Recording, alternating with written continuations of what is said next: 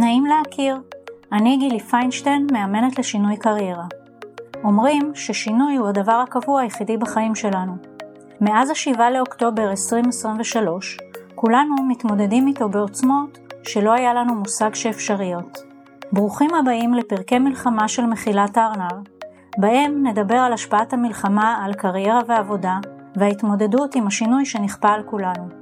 בפרק השישי בסדרה, אני משוחחת עם מאיה מזרחי עצמוני, נומרולוגית כ-20 שנה, יוצרת קו המוצרים נומרולוגיה פלוס, מחברות, קלפים נומרולוגיים, הספר והקורס הדיגיטלי, הנושאים שניהם את השם להיות הנומרולוג של עצמך, הנומרולוגית של עצמך. בשנים האחרונות, מלבד ייעוצים והרצאות, היא כותבת פרשנויות לאישים ואירועים אקטואליים ועורכת תחזיות נומרולוגיות. בתחזית שלה לשנת 2023 כתבה מאיה על מלחמה שתפרוץ בשנה זו. אנחנו משוחחות על נומרולוגיה ובניית מפות נומרולוגיות, רגעי האימה שחוותה עם משפחתה כשחמותה בממ"ד בבארי, הקושי לחזור לשגרה ולאנרגיה הנדרשת כדי להמשיך ולעסוק בנומרולוגיה, התחזית שלה לשנת 2024 כולל ניתוחים של נתניהו, אהרון ברק, סינואר ואסמאעיל הנייה, ועוד. מיד מתחילים.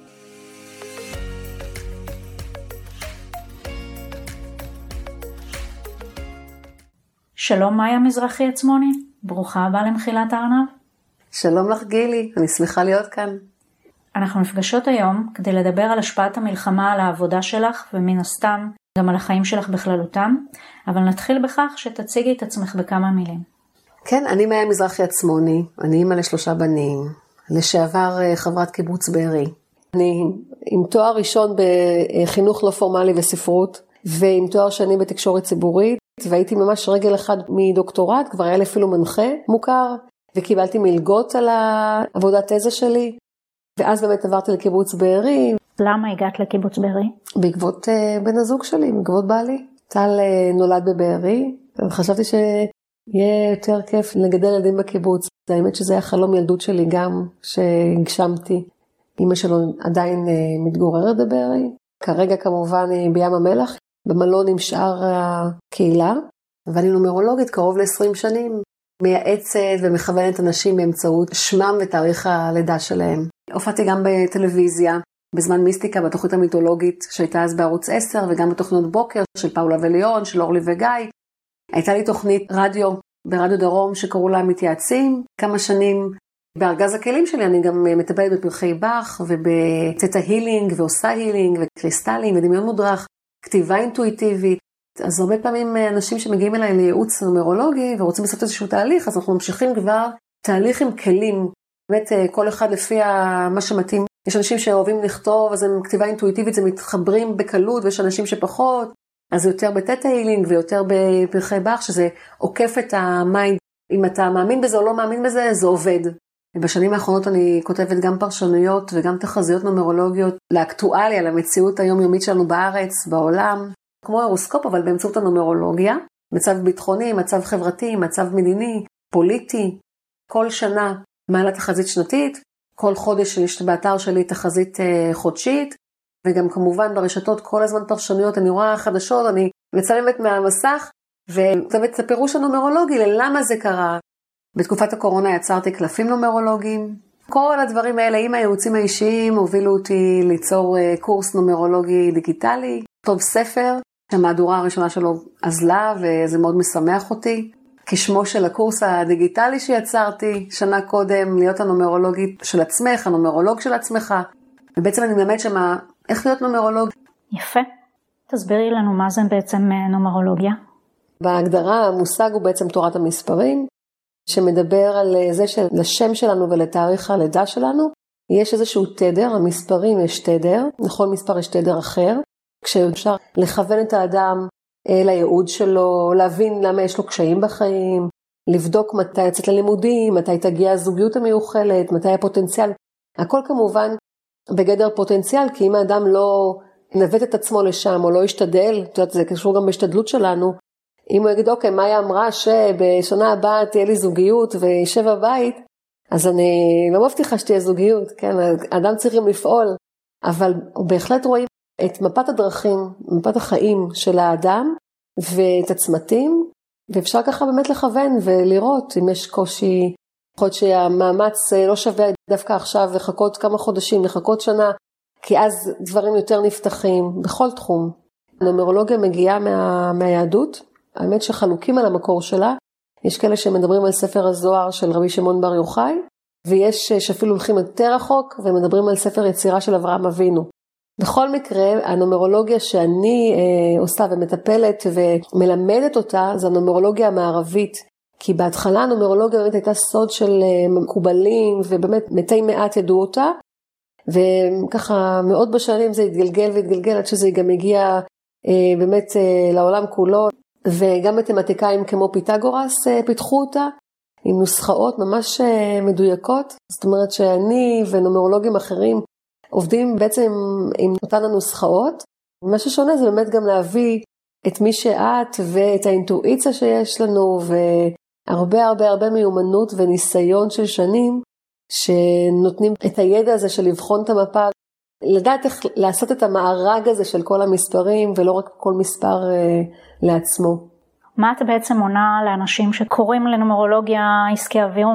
אני לרוב לא עונה, אני לא מתווכחת עם אנשים על מה שהם אה, חושבים, או אליי מגיעים אנשים, ואני מזמנת אליי אנשים, בעיקר נשים מגיעות, אבל גם גברים, שהאינטואיציה שלהם מפותחת וחדה, שהם אה, יודעים שקיים בעולם הזה עוד רובד מעבר למה שרואים בעיניים, שמרגישים את זה ולא יודעים לפעמים איך לפרש את הדברים, אז הן מגיעות אליי ואני עוזרת להם בפירוש של הדברים. אז אני לא מתעכבת על מי שלא מאמין.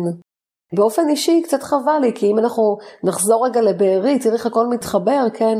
אני מינואר 2023, אני כל חודש וכל שנה כותבת תחזיות נומרולוגיות אה, באתר שלי, מעלה אותן ברשתות החברתיות, הכל מתועד. התחלתי ינואר 2023 וכל השנה הזאת הייתה לי עננה מאוד גדולה. מעבר למצב החברתי שהיינו בו, עם ההפגנות והשסע בעם, שגם הוא מאוד העיק עליי ומאוד העיב, שידעתי שעומדת לפרוץ מלחמה השנה, כאילו ב-2023, וכתבתי על זה כל חודש, אפשר עדיין למצוא את הדברים שלי שם. לצערי זה התממש, כמו רוב התחזיות שלי, אני חייבת להגיד שהן באמת מדייקות. והיה לי שבגלל הציניות, ובגלל שיש הרבה, אני יודעת, שרלטנות בתחום הזה, כמו דרך אגב בכל תחום, זה קיים.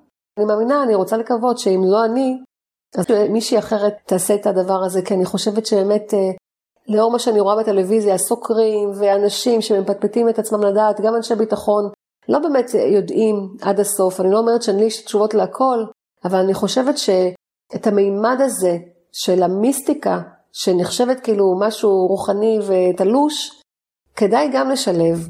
אני ידעתי שהולכת להיות מלחמה. אני ידעתי ולא היה לי למי להתריע. ואיך את uh, בעצם עושה מפה?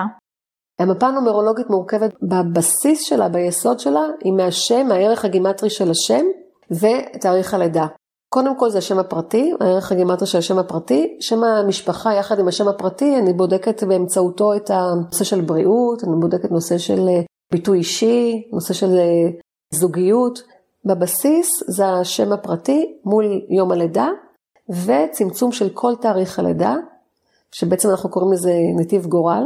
למעשה, גם באתר שלי אפשר לראות מה אומר כל מספר, אבל מה שאנחנו עושים זה להסתכל על הקשרים בין המספרים.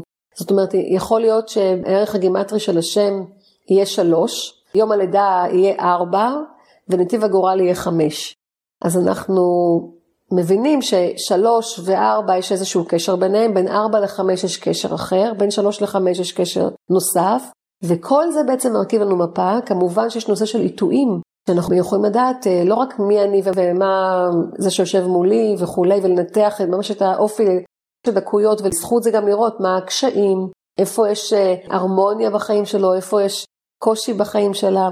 העיתויים נותנים אה, איזשהו כיוון קדימה. זה פוטנציאל, אבל בהחלט אפשר לראות כל דבר. יש לך משפט שאת רוצה לדעת איך לגשת אליו, או ראיון עבודה, וכבר אנחנו יודעים שבדברים האלו התאריכים נקבעים מראש, זה לא משהו שאת קובעת אותם, אז לפחות את יכולה להבין מה האנרגיה שלך באותו יום, ואיך להשתמש בה לטובתך.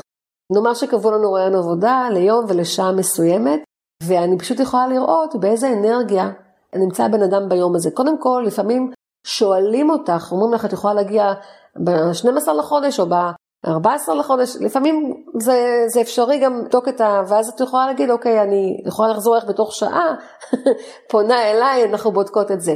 במקרה שמתקשרים ומוסרים לך, את uh, מגיעה ב-12 לחודש בשעה 8 בבוקר וכולי וכולי, אז אין לך הרבה מה לעשות עם זה, מעבר לדעת באיזו אנרגיה, באיזה תדר נומרולוגיה את נמצאת, מה הוא אומר לגבייך, למה לשים לב, למשל, אם קשה לי להתמקד, ככה ספונטנית, וקופצת מדבר לדבר, וככה מאוד אה, מתלהבת נקרא לזה, ואני גם נמצאת ביום עם תדר כזה, זה לא יהיה טוב, כי ה over הזה, ה over אנרגיה הזאת, במצב הזה, לא עושה תועלת לבן אדם. ואז דווקא אני יכולה לומר, תנמיכי, תדברי פחות בהתלהבות, ומה באמת, אבל אני רוצה את התפקיד הזה, לא, לא, לא, את תדברי בהתלהבות מספקת, כי את בתדר כזה שנמצא, אבל שזה לא יצא יותר מדי, ילדותי לפעמים זה יכול לצאת, זה יכול לצאת לא מקצועי, ואנשים באמת אה, מספרים לי אחר כך שבאמת הם הרגישו את זה. זה ממש מדהים, כשאת מודעת לדבר, את פתאום לא פועלת סתם בבזיזות. אם אני בן אדם שבדרך כלל שקט ומופנם, והיום גם כן מין כזה שלו ושקט, היום התדר האנרגטי הנומרולוגי באותו יום שלה, אז דווקא אני אומרת לה, תתעלי מעל עצמך, את צריכה להתפתח ולדבר, ואת צריכה להביא דוגמאות, ואת צריכה להיות יותר חיונית, להראות חיוניות, כי התדר הוא uh, קצת uh, נמוך, נקרא לזה ככה, בשביל רעיון עבודה. אפשר לבדוק באיזה עיתוי את נמצאת בשנה הנוכחית. אני בודקת שנה אזרחית כי אני עושה את הנומרולוגיה המערבית. אפשר לבדוק באיזה חודש את נמצאת. אפשר לבדוק באיזה יום, באיזה תדר נומרולוגי יומי, אפילו שעה. עכשיו, אני לא הולכת לעשה כל יום וכל שעה, אבל כשיש אירועים כאלה, דיון בבית משפט, ראיון עבודה, טיסה, תאריך לאירוע חתונה למשל, אז כדאי להתייעץ על הדברים האלו, כי לכל דבר יש תדר, וכל אדם, ואם אנחנו מסונכנים עם התדר הזה, אנחנו באמת יכולים יותר להצליח. אה, אני פיתחתי תחזית שבועית, וזה מדהים כמה שזה מדויק. זה משהו שאני מעבירה רק בדיבור בניוזלטר שלי כל יום ראשון, אלפי אנשים שמחכים לתחזית הזו. השאלה אם זה לא נבואה שמגשימה את עצמה? לכל כך הרבה אנשים, בבת אחת? לא חושבת. ולכן אני גם שמה לב מאוד לאיך אני אומרת את הדברים, אם זה בדיבור, גם איך אני כותבת אותם.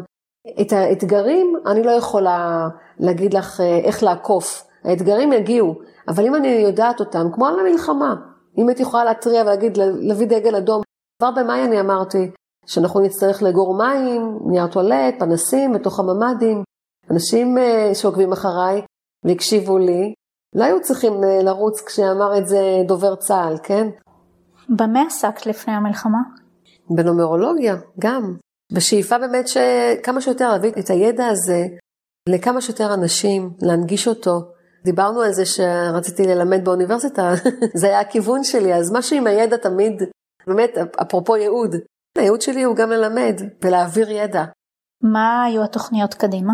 דיברתי כבר אה, על פודקאסט, ככה באולפן, מסודר, וגם עם זה חיכיתי למה שנקרא אחרי החגים, ואז הגיע הטבח. האמת שהכל, כל מה שעשיתי ב-2023, אני עשיתי אותו מתוך תחושה של אה, עננות כזאת מעליי, ענן כבד ושחור, שכל דבר שאני דיברתי לטווח הרחוק, בתוך תוכי אמרתי, מקווה שזה יצא לפועל. זאת אומרת, עשיתי את הדברים ורציתי שזה יקרה, ולצערי בא 7 לאוקטובר וטלטל את כולנו, טלטל אותי מאוד. ומה הייתה החוויה שלך באותו יום הנורא ב-7 באוקטובר? החוויה קשה ביותר. אני חושבת שאני עדיין חווה אותה. לאט לאט זה הולך וקצת אה, נחלש, העוצמה נחלשת, אבל אה, זה ממש קיים. לא התעוררתי עוד מאז, אה, לא חזרתי לגמרי למה שהייתי כמאיה. חברים וחברות שנחטפו לעזה, שנרצחו, שנטבחו, פשוט אין, אין מילים, הלב לא יכול להכיל את זה. אפילו בשבוע האחרון אנחנו עדיין הולכים לבקר משפחות מבארי, חברים, לנחם אותם על חטופים שישבו בעזה וידענו שהם אה, בחיים, ואחרי יותר ממאה ימים אה, נרצחו שם. זה פשוט אה, קורע לב. זה אנשים שגידלנו יחד ילדים, ואת יודעת, זה קיבוץ, זה ממש מהבטן אפשר להגיד, עוברים את הכל ביחד, באותו שנתון כמובן, וחגים ביחד, בבארי יש קהילה משגשגת ושופעת באירועי תרבות וחגים, ואת מכירה, את מכירה הרבה אנשים. חדר האוכל שהיה פעיל, אה, עכשיו אני יודעת שהוא חזר להיות פעיל, שלוש ארוחות ביום, אז את רואה את כולם, את רואה את הילדים, את רואה את ההורים, את רואה את הסבים. זאת אומרת שבארי הוא קיבוץ... אה, כן, קיבוץ שיתופי. המקום הזה של ההדדיות הזו, השיתופיות הזו, לי עשתה טוב. הייתי בתקופה מסוימת קשורה בפורום אה, מטפלים של הנגב המערבי, של אשכול, שזה באמת עשה טוב שם לכולנו וקידם אותנו. יש לי רק תודה להגיד. לקיבוץ בארי ולחברים בו, שאנחנו חברים עד היום איתם. וביום עצמו איפה אתם הייתם? היינו בבית, זה תפס אותנו בבית. האמת שאנחנו כל שבת, או שישי או שבת, נוסעים לחמותי לקיבוץ, כדי שלא תישאר לבד, וחוזרים באותו יום. הילדים לפעמים נשארים לישון אצלה, כדי להיות עם חברים אה, בערב של שישי. שבוע קודם בסוכות אנחנו חגגנו איתה את סוכות, ופשוט אה, בשביעי לאוקטובר היינו אמורים להיות אצלה. זה ערב חג, אז או בחג עצמו, או בבוקר, או בערב, אפילו לא סגרנו את זה, כי חברה טובה בגלל ניתוח, וביקשה שאנחנו נעזור לה בשישי שבת עם התינוק שלה, בגבעתיים. ואמרתי לה, תראי, אם אתה רוצה, תצאו אתם, אבל אני אשאר איתה, אני רוצה לעזור לה. באמת, חברה מאוד טובה, זה משפחה. הוא אמר, אה, לא, גם אני, את יודעת מה, בסדר, אנחנו נוסעים שנים כל שבוע, כל שבוע, אני אקפוץ לבקר את אימא שלי במהלך אה, חול המועד, ובאמת ביום חמישי בחמישי לאוקטובר הוא היה שם, והתפלאתי, הוא נסע בצהריים, ועד 11 בלילה לא חזר, ואז הוא בא הביתה עם אה, דברים שבדרך כלל לא היינו מביאים משם, לא היינו עושים את זה עם אמא שלו, הוא עשה איתה טיול לפינת החי, וכתבו גויאבות, והוא הביא קצת מהגויאבות של המשק שם, ובוטנים שהיו שם, שהביאו ככה מהשדות, וגזר שהיה בשדה, ואמרתי, וואו, כאילו, כמו פעם שגרנו שם, שאת יוצאת החוצה לעשות איזשהו טיול, ואת לקחת הביתה תפוחי אדמה טריים ועושה צ'יפס לארוחת ערב, זה טעם שאין לתאר אותו, כן? זה ברור שמהאדמה זה הכל הרבה יותר טעים. ובעצם זו הייתה סגירת מעגל שלו, ככה גם יצא שהוא היה איתה לבד. וגם באמת הוא, כל השעות האלה שהם טיילו ביחד, ועשו קניות ביחד לבית שאצלה, והוא ראה המון אנשים שפחות מ-48 שעות אחר כך הבנו שהם נרצחו, נחטפו. קשה, קשה ביותר. ממש קשה. ב-7 לאוקטובר התעוררנו בבוקר לאזעקות, וכשזה נמשך אז טלפנתי לחברה ואמרתי, תראה, אני לא יודעת, אני אאחר היום. האזעקות האלו, היא אמרה לי, מה, אל תצאי מהבית, בואי נראה לאן זה הולך. פתחנו את הטלוויזיה ואז ראינו לאן זה הולך. אז היינו כל היום כמובן מול הטלוויזיה. מוקדם מאוד בבוקר אה, היה כבר קשר עם חמותי, עם אמא של טל, שהייתה בממ"ד, בביתה.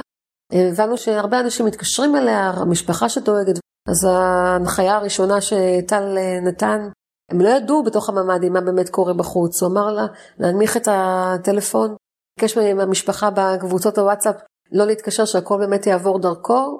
אחת לרבע שעה, חצי שעה, הוא באמת עדכן את כולם אה, במצב שלה. וכל הזמן הייתה בקשר. היא הייתה אה, לבד בממ"ד? היא הייתה עם המלווה שלה, אבל היא עצמאית בסך הכל, אז היא דיברה איתנו. באיזשהו שלב אה, בערב, בשמונה בערב, שניסינו להתקשר, לא ענתה לנו בוואטסאפ, לא היא ולא המלווה. והרבה דאגנו. עד עכשיו הם אה, החזיקו מעמד, שעכשיו לא לקחו אותם, כי כבר ידענו שצה"ל סוף סוף נכנס ל... ללחימה שם ולהוציא אותם משם, את מי זכה לי, להינצל, ובשעה תשע וחצי בערב סוף סוף uh, הצלחנו לדבר עם המלווה שלה, והיא אמרה הכל בסדר, כי צה"ל אמר לה למה את לא מסמסת, למה את מדברת, אמרנו שלא מדברים, כי בבארי היו מחבלים עד אחר הצהריים של יום שלישי. לא, אנחנו פה עם חיילים, ואני נפלתי בבית, אמרתי ככה בצרחות, תגיד לה, איזה חיילים? כי הבנו ככל שהשעות ככה נקפו מהטלוויזיה, שהם גם, חלק גדול מהם התחפש לחיילים. בשלב הזה לקחה את הטלפון חברת קיבוץ אחרת, הסבירה לנו שהחיילים הוציאו אותה מהממ"ד, מחכים באיזשהו בית אה, לאיזושהי הפוגה או משהו כדי שיקחו אותם לאזור כינוס. אז מאוד דאגנו, גם אחרי זה, מה שהיו חשופים, אנחנו יודעים את האזור כינוס, זה כלום, זה הכניסה לבארי. איפה שאנשים שם מתחילים את המסלול שלהם בסינגל של אה, בארי, אז שם אה, בערך כינסו את האנשים. וחיכינו לשמוע מה קורה, ואמרנו, אולי נבוא לקחת אותה אפילו מאיפשהו שלא הבנו לאן זה הולך. ואז עוד פעם נותק הקשר, כי נגמרו הסוללות ולא היה איך להטעין את הפלאפונים. ואנחנו עד חמש בבוקר, לא, עד חמש ורבע, לא נרדמנו בבית, לא אנחנו, לא הילדים.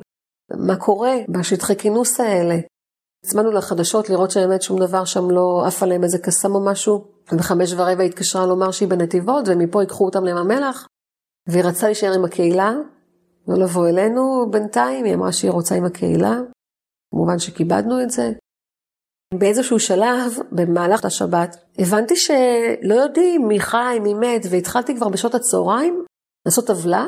אמרתי, אני אעזור לחברי בארי, כשהם יתמקמו, ואני אגיד להם, ממה שאני יודעת, מי, מי נרצחו ומי... כי לקח המון זמן, גם אחר כך, שבועות אחר כך, עד שבאמת איתרו נעדרים בביתם, קראו להם נעדרים, כי היה קושי לזהות כנראה את הגופות. אז אני ככה את מי שידעתי בזמן אמת, כי ידענו משכנים ששמעו מה שקורה שם, וסימסו בוואטסאפים, ועשיתי את מי שאני יודעת שבחיים, את מי שאני יודעת שהוא נרצח, ומי שאני יודעת שהוא נעדר או נחטף. וממש ככה שעות ישבתי עם הרשימות האלו.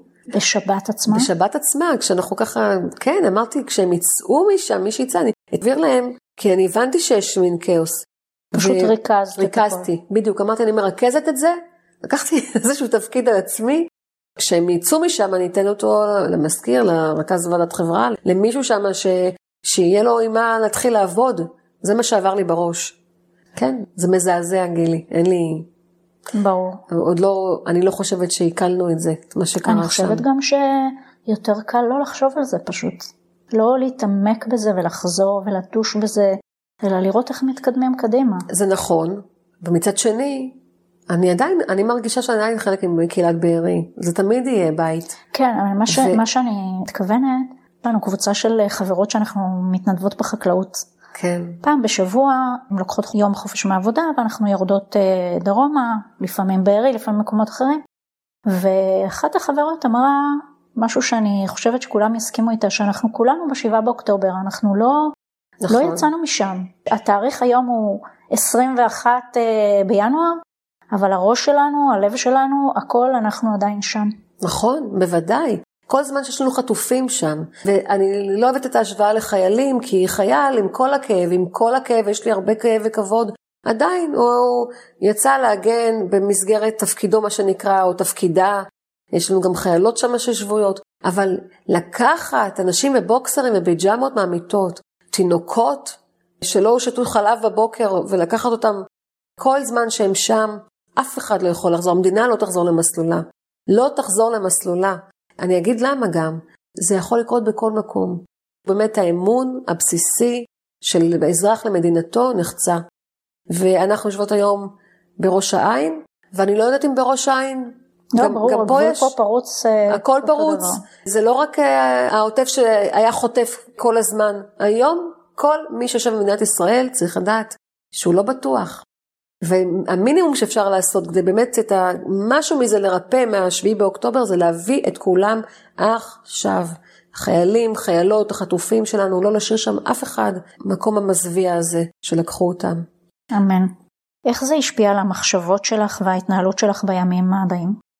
כמובן שאת יודעת, בשביל לעשות מפות נומרולוגיות, ואני קוראת לעצמי נומרולוגית פלוס, שהפלוס הוא בעצם גם הערך הנוסף שאני נותנת בטיפולים שדיברנו, שאני גם אה, מטפלת בפרחי בר, בטטאינים וכולי, אבל גם הפלוס של הניסיון שלי, של האינטואיציה המאוד חדה שלי, לראות את המפה, כמו שאמרתי, שגם אחרים יכולים לעשות את אותן הנוסחאות, אבל אני רואה את המעבר. ובשביל לראות את המעבר הזה, אני צריכה אנרגיה, אני צריכה להיות בתדר גבוה. העסק שלי הוא אני, אני. זה לא משהו שאת יכולה להפעיל מכונה ואפשר להגיד, אוקיי, חזרנו לעבוד. חודשיים שבאמת לא יכולתי לדבר עם אף אחד, לייעץ לאף אחד. לקח זמן, להחזיר את עצמי לעצמי. הייתי גם מאוד, אה, כמו שאמרתי קודם, בלב שלי עם הקהילה, בראש שלי עם הקהילה בבארי, מה הם עוברים חמותי. גם ביום יום שלא מדברים עם אף אחד, זה ביני לביני. היו לילות ממש בלי שינה, כי את חושבת על החברות שלך שחטופות, שהחזירו חלק מהחטופות והילדים, על ילד שחטוף שם עם אחותו, שאימא שלו נרצחה ואבא שלו בשבי, והאח הגדול מחכה להם פה לאיזשהו חיבור. דעת, הוא היה אצלי בבית, והבן שלי אצלהם, וזה, ופתאום הכל חוזר לך, אפילו השיחות טלפון הפשוטות האלו של ה... אה, מה יוש, אה, מה את אומרת, הוא הברירת המחדל של הבן שלי, הוא רוצה את אה, אמיר, מה את אומרת, זה מסתדר לך שהם יהיו אחר הצהריים, זה אמיר רוצה, וכמובן שבדרך כלל זה יסתדר והוא רצה, והכל חוזר לך, השיחות, את יודעת, הכי אה, פשוטות, הכי יומיומיות. החיים הרגילים. החיים הרגילים חוזרים לך, ואת אומרת, היא לא פה איתנו כבר, היא לא תתקשר אליי יותר, וזה... קשה. קשה מאוד. אז זה מה שהיה לי אחר כך. מה את עושה בעצם בתקופה האחרונה? מחנוכה התחלתי באמת להתאושש, אני אקרא לזה יותר. הייתה לי מין תובנה כזאת של באמת לאסוף את עצמי עד כמה שאפשר, וכן התחלתי לפרסם פוסטים ותחזית לדצמבר, ולהתחיל ככה להניע את הדבר הזה. הייתה לי תובנה שאני רוצה להעיר, לתת לאנשים את הכלי הזה שלי באופן אישי הוא מאוד עוזר בחיים. חיזק אותי בהחלטה לעזוב שם את האזור, ואמרתי, וואלה, ניתן את זה למי שרוצה. אפרופו, ששאלת אותי את השאלה קודם, מה את עושה עם מי שלא מאמין בזה ומצקצק? אני לא עושה כלום, אבל uh, מי שרוצה לדעת מה זה ולהשאיר, ומי שרוצה ללמוד את זה ואולי לא היה לה את הזמן או את הכסף, אז אני, את הקורס הדיגיטלי, החלטתי שאני אמת מחיר, uh, ממש נקרא לזה עלות, כי בכל זאת, את יודעת, יש את ה... להחזיק את הקורס הזה באוויר, יש הוצאות. יש הוצאות, כן, בדיוק. בפחות משיחת אה, ייעוץ איתי, אפשר לקנות את הקורס הזה היום. אני אומרת שזה לזמן מוגבל, את יודעת, אבל בשביל לתת את המקום הזה לאנשים, לתת את החכה ולא את הדגים, אה, במקום ללכת למיסטיקנים ולשאול אותם, יש גם מצב כלכלי עכשיו לא פשוט, לדעת לעשות את זה לבד. וזה אושר בעין, אושר גדול של ידע, ידע מאוד מאוד רחב שאני נותנת שם. אז ככה אני מרגישה שגם אני תורמת, הקורס הזה אני מלווה אותו גם בקבוצת וואטסאפ. אז אני כל הזמן עכשיו עסוקה בלענות לשאלות ובתרגולים, וזה מחזיק אותי, זה אני עוסקת במשהו שאני אוהבת. אני מרגישה שאני נותנת מעצמי, כמו שאני אוהבת. בתוך שבוע, אנשים כבר יודעים לעשות אה, מפה, זה מדהים. הרי מה אמרנו? תראה איך הכל מתחבר. אמרנו שהייעוד שלי זה ללמד, וליצור שיטות, ולהנחות, ובאמת יצרתי שיטה של אנשים שיש להם ידע, ולא תמיד הם יודעים להעביר אותו. אני יכולה להגיד על עצמי, בצניעות מסוימת או בלי צניעות, שאני יודעת להעביר את הידע ש... שיש לי, וזה כיף לי להעביר את הידע, אני נהנית מזה. אז זה מה שאני עושה עכשיו, אני מתמקדת בזה.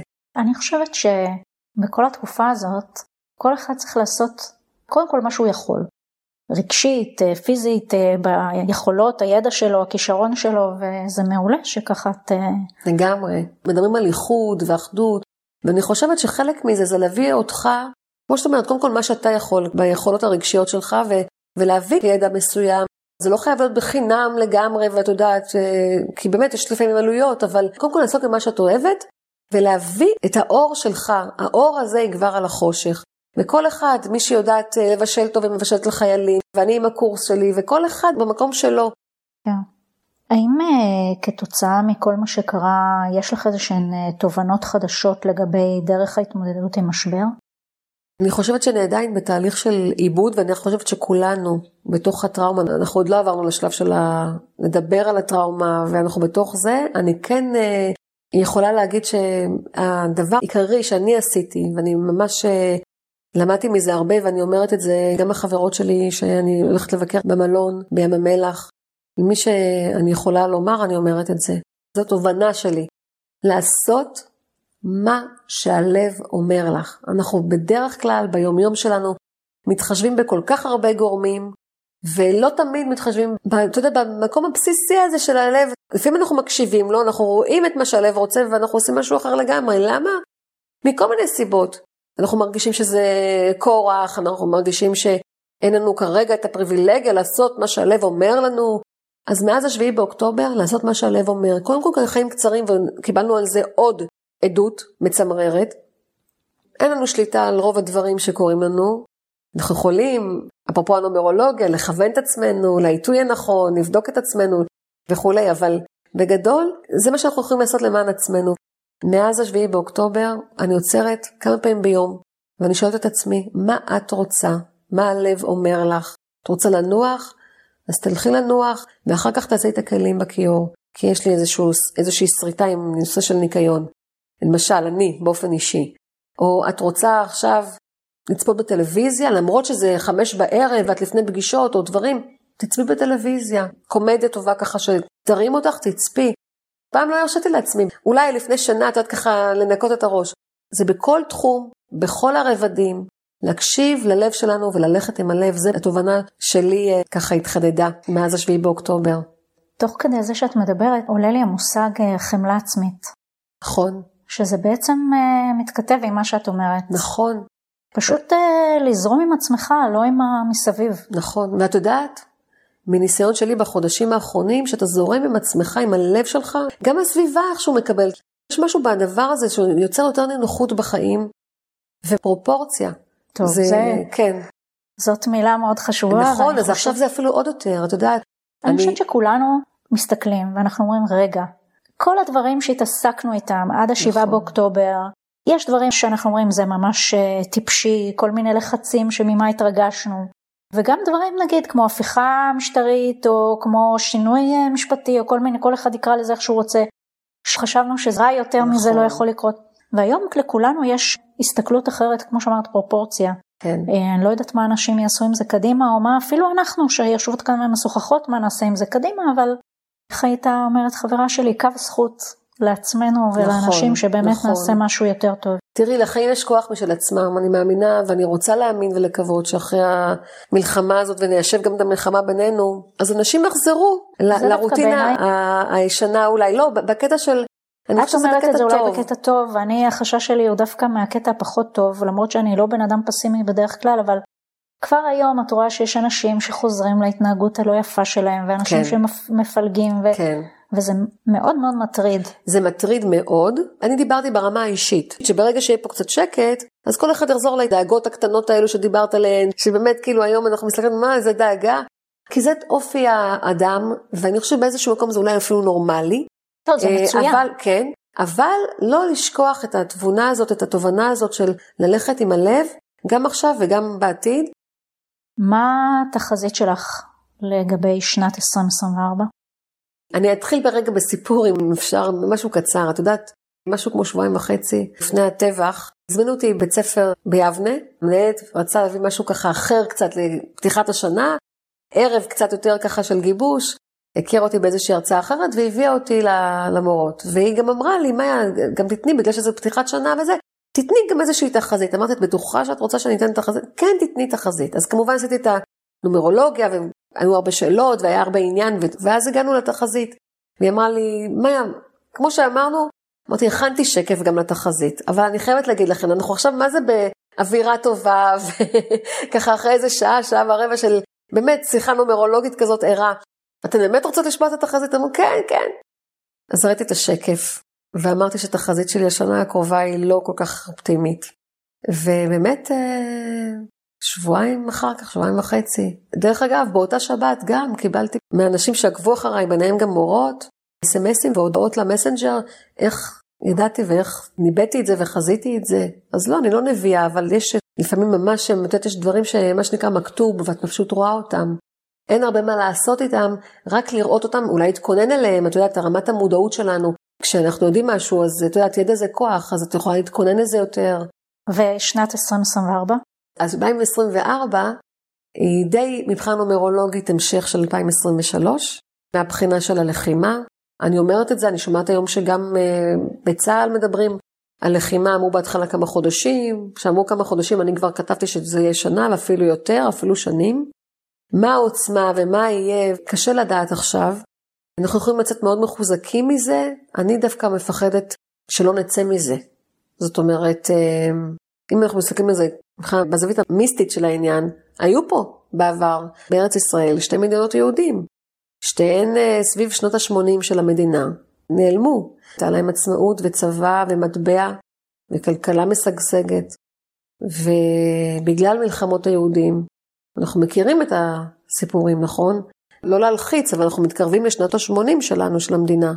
אז קודם כל, מבחינה נומרולוגית, אני מסתכלת על הדבר הזה גם. רגע, אני חייבת לשאול. כן. את בעצם עושה מפה נומרולוגית למדינה? את יכולה לעשות כזה כן, דבר? כן, כשאני עושה תחזית חודשית או תחזית שנתית, אני עושה מפה נומרולוגית למדינה. מה זה אומר? איך? אפשר לעשות מפה למדינה לפי תאריך ההקמה שלה. אצלנו זה ה' באייר, זה חמישי למאי, אנחנו לפי זה יכולים לדעת הרבה דברים.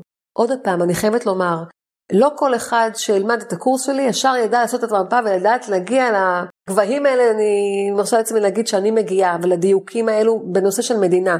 הוא כן ידע לדייק לעצמו ולאחרים בסביבה שלו מפות אישיות. זה יותר קל, למה? כי מפה אישית זה את. ואולי גם בן הזוג שלך, או בני משפחה שמשפיעים עלייך, כך או אחרת. כשאנחנו מסתכלים על מדינה, זה לבדוק את מפת המדינה, זה לבדוק את האישים שמנהיגים אותה, זה לבדוק את האופוזיציה, זה לבדוק את הקואליציה, זה לבדוק גורמים אחרים, כמו למשל ארה"ב, מדינות המערב שמשפיעות עלינו. למשל, אני ב-2023 בתחזית שלי צפיתי שתהיה התקרבות עם ארדואן, עם טורקיה, ובאמת הייתה. במחצית הראשונה של השנה, של 2023, הייתה התקרבות.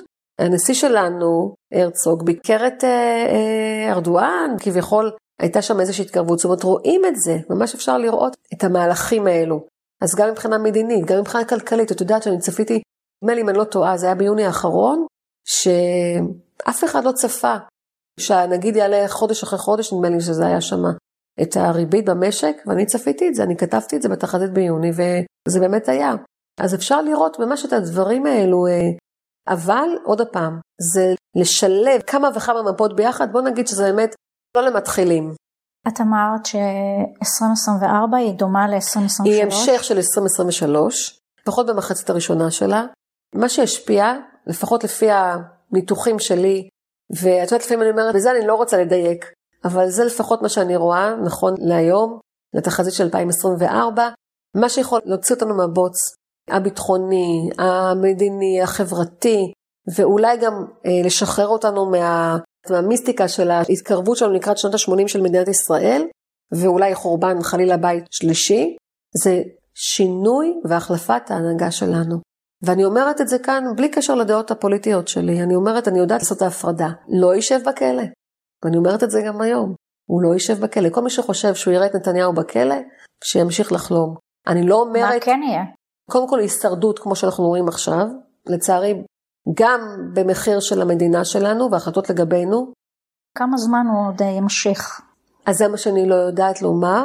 אני ראיתי למשל ב-2023 שתהיה פתיחת הסכמים קואליציוניים, וזה קרה בעקבות המלחמה, שנכנסו גנץ ואייזנקוט וגדעון סער. אני לא יודעת להגיד, וזה באמת הנעלם, ואולי זאת באמת העננה שיושבת לי מעל הראש ועל הכתפיים, וזה לא עניין פרטי, וזה לא עניין פוליטי, זה באמת לא עניין פוליטי. מי שמכיר אותי מאמין לי. זה באמת דאגה למדינה הזאת, אם ההנהגה הזאת תמשיך, כמו שהיא ממשיכה. אני חושבת שאנחנו עוד בדורנו ובדור ילדינו, נזכה, במרכאות, לראות מה זה היהודי הנודד. אני לא רוצה להגיע לזה. חשוב שנשמור על המדינה שלנו. ההיסטוריה מלמדת אותנו מה קרה כשנדדנו. חייבים פה הנהגה שכל העם יוכל להזדהות איתה. בתחזית שלי 2024 אני אומרת שהחודשים של פברואר-מרץ הם עדיין חודשים של אה, מלחמה מאוד אה, נוקבת ואפילו קשה, אני יכולה להגיד, שזה כנראה מסתמן מה שיהיה לנו בצפון ובשתי חזיתות שהתפתחו אלינו. מה זאת אומרת. שתי חזיתות? עזה שיש לנו כבר, צפון אני אומרת צפון כי זה לא רק חיזבאללה, זה סוריה. אני לא רוצה להגיד עוד חזיתות, כי אני דיברתי על מלחמה רב-זירתית. בשלישי לינואר 2023, באתר שלי. הכתובת מבחינתי הייתה רשומה על הקיר, ואני מקווה שבאמת אה, יהיה פה איזשהו שינוי בהנהגה, כי באמת רק זה יכול לשנות פה משהו באמת במדרון שאנחנו נמצאים במדרון. אני מאוד נעצבת כשאני רואה את השלטים של יחד ננצח, כי קודם כל, אם היינו בטוחים שביחד ננצח, לא היינו צריכים שלטים כאלה, נכון? ולמול המנהיגות המפלגת, זה לעג לרש ממש. בוודאי שאני רוצה שננצח, בוודאי שיש לנו יכולת לנצח, אבל בהנהגה הנכונה, הנכונה לכולנו. אני לא אומרת מי, אני לא אומרת מה, אני לא אומרת שהליכוד לא יכול להישאר בשלטון, אבל לא מי שהוביל לתוך הדבר, לכל הקונספציה הזאת, לא יכול להוציא אותנו מהקונספציה הזאת, צריך משהו אחר, מישהו אחר, ולו בשביל שגם נוכל להסתכל למעלה ולהגיד, אוקיי, זה האיחוד, זה ישראל המאוחדת. כן. ואיך את מסבירה את הסיפור הזה עם אה, נתניהו שבחר בברק לייצג אותנו בהאג? 2024 זו שנה בסימן אה, תדר נומרולוגי 9, שזה מסיים בעצם תקופה, מדבר של לסגור מעגל. ופה אני באמת רואה סגירת מעגל, מעגל שהתחיל ב-2023, של אה, באמת ההתעמרות הזאת והיציאה נגד נשיא בית המשפט העליון לשעבר, אה, השופט אהרן ברק, סוג של סגירת מעגל בזה שבעצם מבקשים אותו ומבינים את הצורך ואת השעה באדם כמוהו אה, למשפט אה, בהאג. אני. מבינה את מה שאת אומרת, אבל איך נתניהו מרשה לעצמו לבוא ולבקש? אני כן יכולה להבין למה אהרון ברק יסכים, כי זאת שעה... דרך אגב, אהרון ברק, למה הוא יסכים? רואים ממה שאצלו, ב... יש לו מספרים, קודם כל של צדק, במפה הנומרולוגית שלו, אני בדקתי את זה, כתבתי על זה פוסט, וגם אה, פעמיים מופיע אצלו הספרה 6. 6 זה גם העניין של הצדק, אבל גם העניין הקהילתי, הוא בוער בו, המקום הזה הערכי של לתרום את התרומה שלי, ואפילו בהתנדבות, יש לו את המספרים האלה במפה הנומרולוגית. אוקיי, אז תסבירי לי את נתניהו עכשיו. אני אסביר. קודם כל, נתניהו יצא משנה מאוד אה, רגישה שהוא היה בה, שנה מאוד אה, מטלטלת אותו, ובעקבותיו גם אותנו טלטלה. שנה שבעצם הוא שיחק לקצוות, זאת אומרת, או בקצה אחד או בקצה שני, לא היה איזון בהתנהלות שלו, לפחות לפי המפה הנומרולוגית, אוקיי? השנה הוא חוזר במידה מסוימת לסוג של איזון, לסוג של שליטה, במפה הנומרולוגית רואים את זה, קצת פחות בקצוות ויותר במרכז, שלו אני מתכוונת, בערכים שלו, הרי מראש הוא לפני 2023, לפני המשפט שהיה לו, הוא לא דיבר נגד אה, בית המשפט, להפך, הוא צידד בבית המשפט. העלו הרבה בשנה האחרונה ציטוטים שלו מהתקשורת ב-2013, ב-2012, דברים שהוא אמר. זאת אומרת, הבסיס שלו, הנחת היסוד שלו, שכן כנראה הוא יודע שהשופט אהרן ברק יכול באמת לעזור למדינה, הוא איש חכם.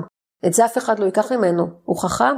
אולי לא תמיד הוא עשה לטובת המדינה בחוכמה שלו, יגידו אנשים שיגידו, אבל למול האג לשלוח אדם באמת שנחשב גם בעולם המערבי, הנאור, זה, זה דווקא מסתדר לי. כאילו גם האנרגיה של סגירת המעגל. את רואה את העניין של העיתוי, כמה הוא חשוב בדבר הזה? כאילו זה לא רק האישיות של הבן אדם, זה גם באיזה מרחב היא פועלת, באיזה תדר אנרגטי היא פועלת. בתדר אנרגטי של שנה שעברה, ההתבטאויות שלו היו כנגד בית המשפט והשופט אה, אהרן ברק. והשנה, במרחב הזה של סגירת המעגל, במרחב של מה שקרה, ובמפה האישית שלו, שאנחנו רואים שהוא פחות בקצוות בשנה הזאת, הוא יותר מתמרכז, אני אומרת הוא, הוא עצמו, לא קשור לפוליטיקה, ויותר חוזר לערכים שלו במידה מסוימת, אז משתלב ביחד הסגירת מעגל, והוא עצמו. היה הרבה יותר קשה לעשות את הסגירת מעגל הזאת, אם הייתה צריכה להיות ב-2023, למשל. הבנת. מה את יכולה להגיד לנו לגבי סינואר? את יודעת, הוא לא נשוי, ואני חושבת שזה לא סתם.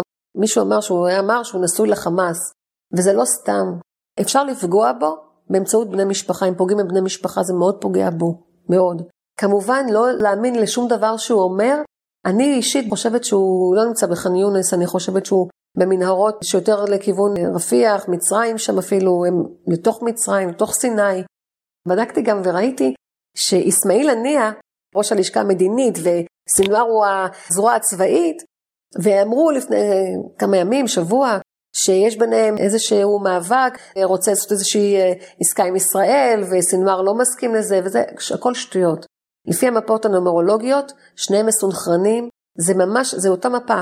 אני הנולד ב-29 לראשון 1962, וסנוואר נולד ב-29 לעשירי 1962. התדר אותו תדר. הם מסונכרנים ומשחקים לנו בראש, השוטר הטוב, השוטר הרע, אני לא יודעת איך לקרוא לזה, אבל אם מישהו חושב שהוא הצליח להכניס טריז ביניהם, לא, זה לא נכון.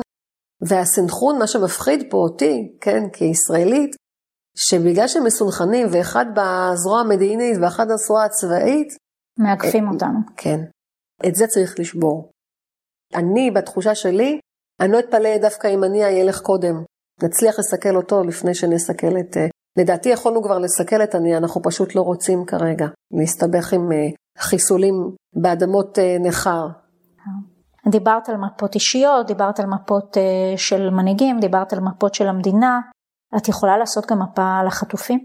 בוודאי שאפשר לעשות לכל אחד ואחד. זה עוד איזשהו מחקר שאני חשבתי לעשות, לבדוק כל הנרצחים באיזה יום אישי הם היו, כל הנחטפים באיזה יום הם היו, מבחינה נומרול באיזה שנה.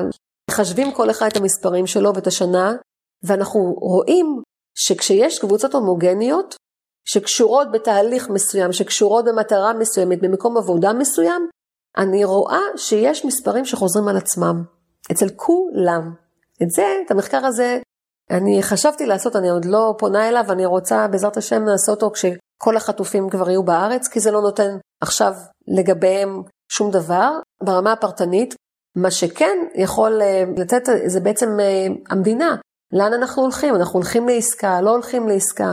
אז אני מסתכלת על המפה של המדינה שוב, ואני רואה שעכשיו החודש ינואר אנחנו בסוג של התחלה חדשה, אנרגיה, מנסים להרים משהו חדש, עסקה חדשה. להערכתי, בפברואר תהיה עסקה, אני מאוד מקווה, אני לא יכולה להתחייב ולומר שזה יהיה על כולם, מה תהיה פרטי העסקה, הפוטנציאל הנומרולוגי להחזרת אה, חטופים ושבויים זה בפברואר. אבל כמובן, זה לא מתחיל בפברואר, זה משהו שכבר מתבשל עכשיו. אמן. אמן, אמן. כן. אנחנו יכולות לסיים במשהו אופטימי?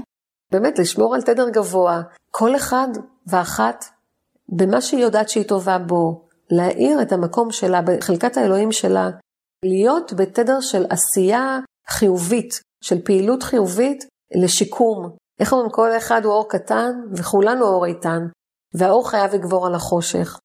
במחצית השנייה של 2024, זאת אומרת מהקיץ ואילך, בהחלט אם יהיה איזשהו שינוי בהנהגה, עוד פעם, לא חייב ללכת לבחירות, הנהגה שתשקף יותר את אה, רוח העם.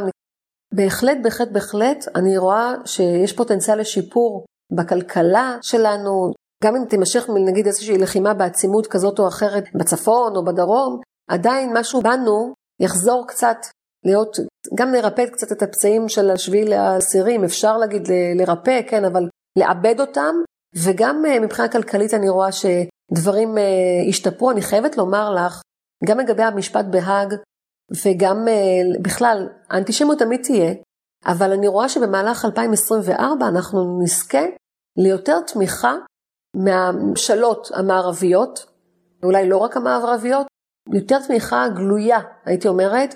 אני כתבתי את זה בתחילת החודש בתחזית שלי, באתר, וכבר השבוע התבשרנו שהאיחוד האירופי אמר לא להפסיק את הלחימה עד שכל החטופים יוחזרו, והטיל איזשהו הליך סנוואר, אמנם באיחור של שלושה חודשים, אבל זאת היה המגמה. הם יבינו יותר ויותר, שמאוד יכול להיות שיעזרו להם גם להבין, אם יהיו פעילויות טרור באירופה, אז זה יעזור לאנשים להבין מול מה אנחנו מתמודדים פה. את אומרת פה. שיכול להיות שיהיו? כן. טוב, תודה רבה על השיחה הזאת. תודה לך, גילי. אני מקווה שתישארי אופטימית. אני וכולם. כן. מתלבטים בעקבות המלחמה לגבי המשך דרככם המקצועית? אתם מוזמנים לקבוע איתי שיחת מיקוד ללא עלות וללא התחייבות. כמו כן, מוזמנים לעקוב אחריי גם באתר שלי. חפשו גילי פיינשטיין בגוגל. תודה שהאזנתם, להתראות בפרק הבא.